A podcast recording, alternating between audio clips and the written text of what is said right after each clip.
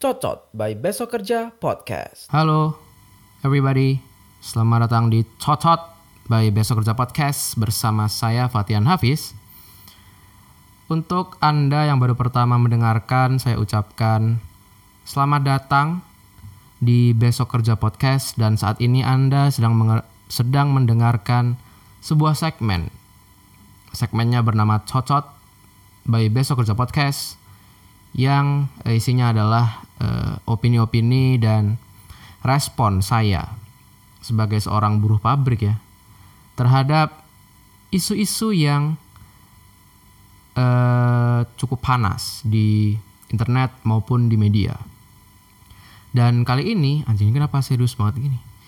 Kayak ini kayak news anchor aja. No, no, no.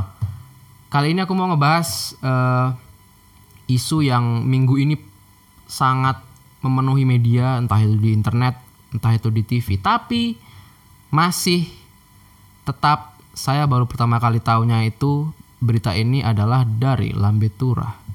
Referensi yang sangat aktual dan paling cepat memberitakan berita apa pun itu. Baru akhirnya nyari berita-berita yang lebih valid di eh, media. Baru nonton TV. Pertama Lambe Turah dulu ya. Yaitu adalah mengenai kejadian eh, yang ada di Desa Wadas Purworejo. Jadi apabila Anda eh, nonton TV atau baca berita itu tuh waktu hari Selasa kalau nggak salah. Hari Selasa tanggal 8 ya. Tanggal 8 Februari itu terjadi sebuah eh, bisa dikatakan eh, tindakan represif dari aparat terhadap masyarakat Desa Wadas. Yang mana sebetulnya konflik yang terjadi itu tidak sesederhana itu, cukup kompleks masalahnya. Apalagi kan aku waktu itu habis nonton Ben dan Jody gitu kayak habis nonton filmnya tuh kayak anjir emang zaman zaman gini hari gini masih ada ya isu-isu kayak gini di, dunia nyata gitu. Besoknya kejadian ya. Jadi gini, untuk eh, mengurutkan kronologi yang terjadi di Desa Wadas, kita akan eh, membicarakan dari eh, pokok permasalahannya dulu. Jadi tuh waktu hari Selasa itu eh, Desa Wadas itu memang digeruduk eh, aparat gitu. Saya tidak akan menyebut aparat itu apa karena tidak berani saya. Nah, jadi Desa Wadas itu digeruduk eh, sama kepolisian karena waktu itu polisi mendapat tugas dari eh, pusat untuk mengawal pengukuran lahan untuk proyek bendungan. Jadi eh, di daerah kecamatan tersebut itu kecamatan Bener namanya ada proyek besar-besaran yaitu proyek bendungan Bener.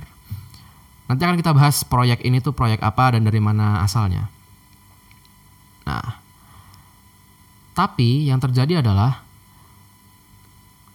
kehadiran aparat ini berujung tindakan represif yaitu eh, jadi keras nih situasi memanas dan jadi kekerasan. Dan akhirnya buah dari tindakan represif ini adalah ada 64 warga yang ditangkap. Dan ini nggak jelas kesalahannya apa ditangkap aja gitu. Ini kan kayak Ben dan Jody ini persis. Bedanya di Ben dan Jody itu yang nangkep dari perusahaan gitu kalau ini dari aparat banyak berita simpang siur dari sisi aparat, dari sisi pemerintahan maupun dari sisi masyarakat Wadas.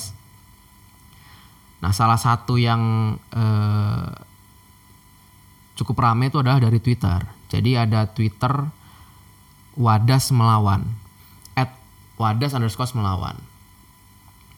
Jadi bunyi tweetnya tuh kurang lebih kayak gini muncul beberapa kabar bahwa warga menggelar aksi dan memicu ricuh. Padahal sejak pagi, ribuan aparatlah yang datang menyebar di berbagai titik, mengelilingi rumah-rumah dan mengepung masjid.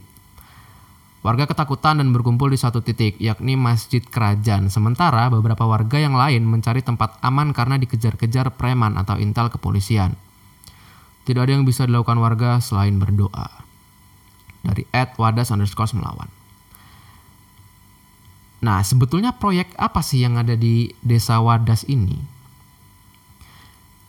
Jadi tuh gini, ini eh, dikutip sama suaramerdeka.com ya, eh, oleh Kombes Pol M Iqbal Al Al Qudsi, ya yaitu eh, Kabit Humas Polda Jawa Tengah.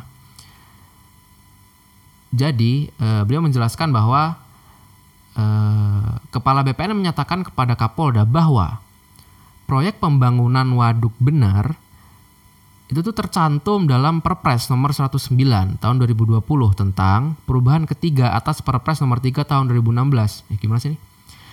Tercantum dalam Perpres nomor 109 tahun 2020 tentang perubahan ketiga atas ya ampun atas Perpres nomor 3 tahun 2016 tentang percepatan pembangunan proyek strategis nasional.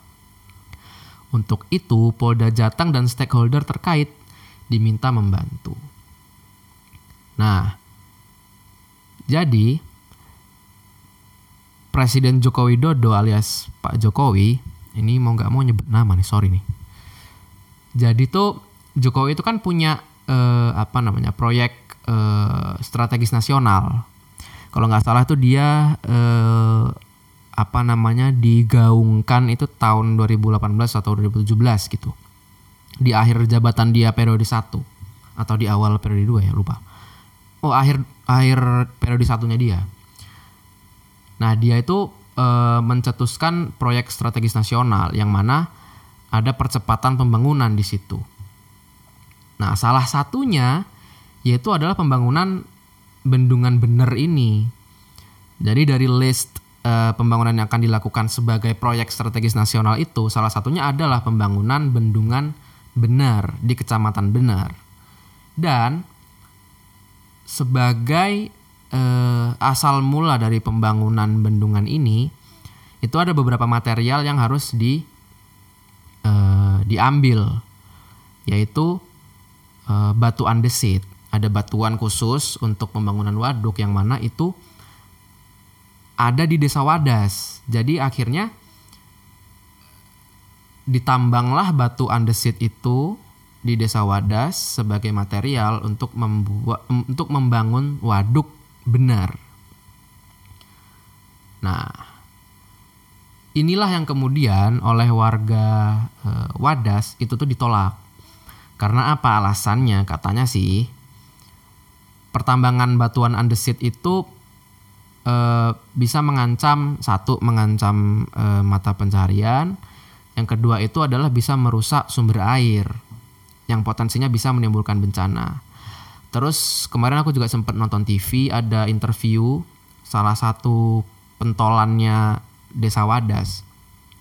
Itu kayak pentolan resisten iya resistance kayak Star Wars aja. Resistennya iya eh, pokoknya yang menolak inilah warga-warga yang melakukan penolakan atas eh, penambangan ini itu juga memention bahwa eh, Wadas itu banyak eh, apa namanya alamnya sangat indah dan berpotensi jadi objek wisata dan lain-lain dan lain-lain. Nah, jadi buah dari eh, proyek Presiden Jokowi salah satunya adalah pembangunan eh, bendungan Wadas. Untuk melakukan pembangunan itu perlu batuan andesit dan batuan andesit itu ditambang di Desa Wadas. Dan waktu melakukan uh, apa namanya uh, preparation lah ya uh, pengukuran untuk apa namanya untuk proyek bendungan benar ini melibatkan Polda karena apa karena kepolisian diminta kepolisian dan stakeholder tadi kan kata si Pak Kombes Iqbal Al Qudsi Polda dan stakeholder itu diminta membantu nah makanya polisi itu sebenarnya tujuannya itu adalah mengawal proses pengukuran untuk penambangan itu di Desa Wadas. Nah, yang akhirnya berujung represif karena eh, kita nggak tahu di lapangan waktu itu gimana, apakah polisinya dulu ah nyebutin aparat astaga. Oke lah memang tidak terhindarkan untuk memention eh, eh, satuannya tapi ya udah semoga tidak ada masalah. Apakah polisinya dulu atau warganya dulu? Kita kita sama-sama nggak tahu nih. Tapi yang jelas apa pun itu kalau namanya itu tindakan melibatkan kekerasan ya itu salah dong. Makanya eh, Pak Gubernur Pak Ganjar dialah yang akhirnya minta maaf karena dia juga tuh yang memberi payung hukum untuk proyek ini Nah, akhirnya kalau nggak salah malamnya ya, kalau nggak salah sorenya atau malamnya gitu, akhirnya warga-warga yang tadinya ditangkap itu tuh eh, dibebaskan. Nah, eh, sepenting apa sih pembangunan eh, waduk ini di apa bendungan bener ini? Itu tuh konon katanya eh, pembangunan waduk ini itu untuk keperluan yang pertama. Itu tuh untuk eh, sebagian airnya itu untuk eh, satu bandara internasional Yogyakarta. Bandara yang sekarang eh, paling gede ya di Jogja NYIA terus itu akan jadi eh, bendungan air baku untuk Kabupaten Purworejo, Kebumen, Kulon Progo dan sekitarnya. Jadi ini dinilai eh, punya urgensi yang tinggi sebagai fasilitas eh, ke depannya untuk kabupaten-kabupaten ini dan juga fasilitas bandara. Makanya oleh Jokowi itu dijadikan salah satu list eh, proyek strategis nasional. Nah setelah kita mereview mereview eh, isu yang ada, itu kita bisa mengambil sebetulnya ada dua isunya. Isu yang pertama adalah eh, tindakan aparat yang represif, yang mana saya tidak akan bahas itu karena tidak berani. Lalu yang kedua adalah eh, isu yang mau aku bahas, yaitu adalah apakah pembangunan itu harus merusak alam? Itu yang mau aku omongin di episode ini. Nah, apakah pembangunan itu harus merusak alam? Sekarang kita lihat. Rumah-rumah yang Anda huni, tempat Anda tidur-tiduran sekarang, itu tuh dulu tuh bukan orang yang tidur-tiduran di situ, dulu tuh tapir dan macan yang tiduran di situ. Atau hotel tempat Anda check-in dengan FWB Anda, itu dulu beruang grizzly yang check-in di situ. Jadi mustahil Anda punya rumah yang nyaman, mustahil Anda bisa check-in di hotel nyaman. Kalau satwa-satwa ini nggak diusir dan pohon-pohon ini nggak ditebang. Jadi apakah pembangunan itu harus merusak alam? Jawabannya adalah uh, uh, ya, I guess. Karena there is no way nggak mungkin there is no way pembangunan itu bisa berlanjut tanpa merusak alam. Pertanyaannya adalah batasnya sampai mana nih gitu kan pertanyaannya. Apakah mau abisin semua alam ini demi pembangunan atau demi melestarikan alam quote unquote kita tahan pembangunannya. Nah aku kalau ngomongin alam dan pembangunan tuh aku jadi inget sama ini tweetnya menteri itu yang bikin semua orang marah. Apa sih itu ya menteri? eh, aduh tweetnya menteri. Oke aku cari ya. Close-nya gimana nih? Close, close, close. Nah kita cari browser, browser, browser. Fuck, what the hell? Browser, oke. Tweet, sorry, tweet eh kontroversi deforestasi. Nah ini dia. Kontroversi pernyataan Menteri LHK soal pembangunan. Oke, kita baca di nasionalkompas.com. Nih, jadi si Menteri Lingkungan Hidup dan Kehutanan Menteri LHK Ibu Siti Nurbaya itu tuh membuat pernyataan yang dinilai bertentangan dengan semangat perlindungan terhadap lingkungan. Ini dari kompas.com. Jadi dia nge-tweet di Twitternya @sitinurbaya_lhk November 2021. Gini bunyi tweetnya. Ini memang cukup menyentil ini nih. SJW SJW alam nih. Nih. Gini tweetnya. Pembangunan besar-besaran era Presiden Jokowi tidak boleh berhenti atas nama emisi karbon atau atas nama deforestasi pembangunan besar-besaran era Presiden Jokowi tidak boleh berhenti atas nama emisi karbon atau atas nama deforestasi. Dan setelah tweet ini di di, di share, di post, semua orang marah, semua orang ngamuk. Dan waktu itu aku cuman kayak eh bukannya emang gitu ya gitu kayak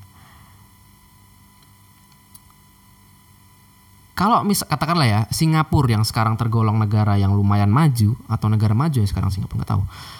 Itu misalnya negara Singapura itu tidak melanjutkan pembangunannya atas nama deforestasi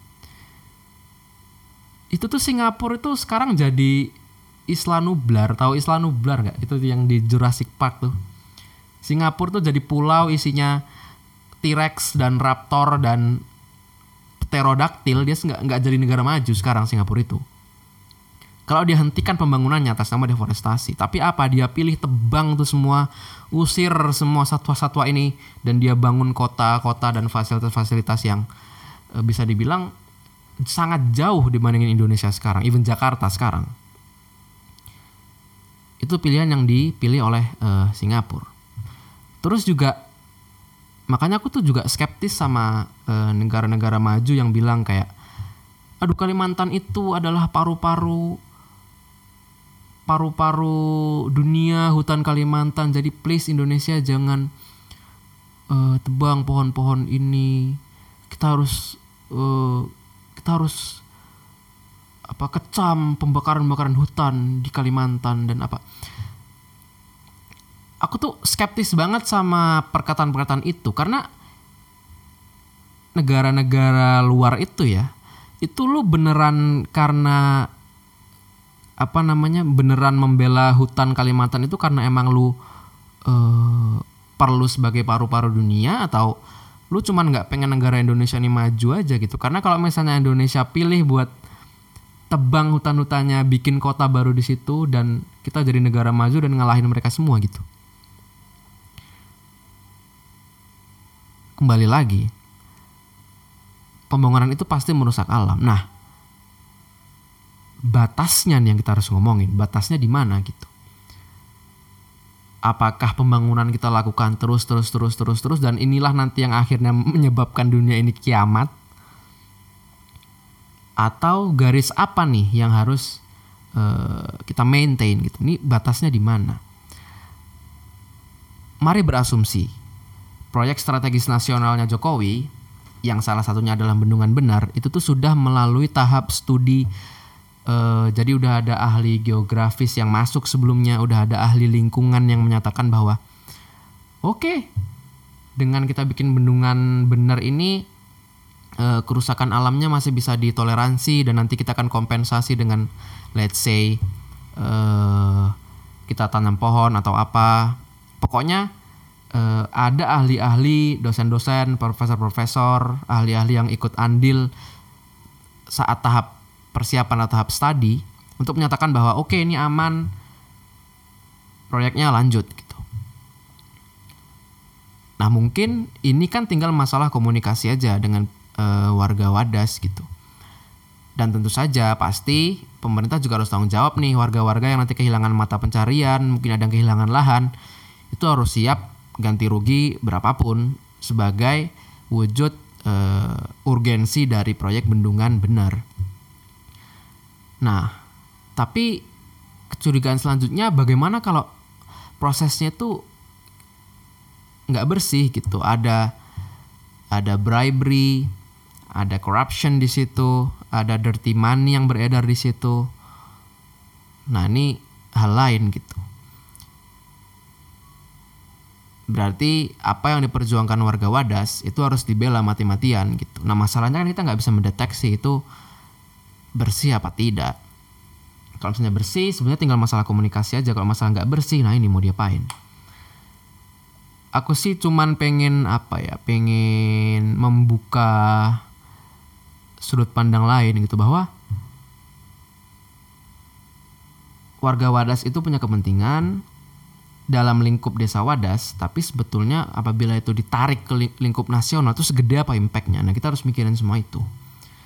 Kita harus lihat dari sisi eh, apa namanya, kita harus lihat big picture-nya dari sudut pandang eh, pemerintahan yang sedang melakukan percepatan pembangunan, dan kita juga harus lihat dari sudut pandang warganya gitu. Kita nggak bisa state siapa yang salah, tapi kalau misalnya topiknya adalah tindakan represif ya itu salah gitu. Tapi kalau misalnya kita ngomongin isu pembangunan dan kerusakan alam itu hal yang lain. Aku cuman itu aja sih. E, pengen membagikan insight bahwa anjir ini kenapa nggak ada komedi-komedinya gitu tapi ya ini menyedihkan sebenarnya apa yang terjadi di sana.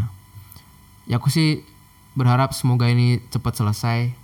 Kalaupun nanti e, memang akhirnya proyek ini harus lanjut, semoga warga Wadas mendapat keadilan entah itu berupa ganti rugi atau apa pun itu, tapi mereka bisa melanjutkan kehidupannya dengan damai. Tidak dihantui oleh adanya kerusakan alam maupun kehilangan pekerjaan dan lain-lain. Itu aja sih. Serius sekali ya pembahasan episode kali ini ya, tapi ya sudahlah. Sekali-kali kita perlu uh, mendengarkan sudut pandang dari seorang buruh pabrik sebetulnya nggak penting sebetulnya, tapi ya gitulah ya mungkin itu aja ya buat episode kali ini uh, apabila anda mau mengirimkan kritik dan saran silakan kirim email ke besok kerja podcast at gmail.com besok kerja podcast at gmail.com atau DM ke Instagram saya at Fatian Puja Kesuma at F A T H I A N Puja Kesuma. Aku tunggu uh, itu aja untuk episode kali ini. Sampai jumpa di episode selanjutnya. Fatihan Hafiz signing out. Bye bye.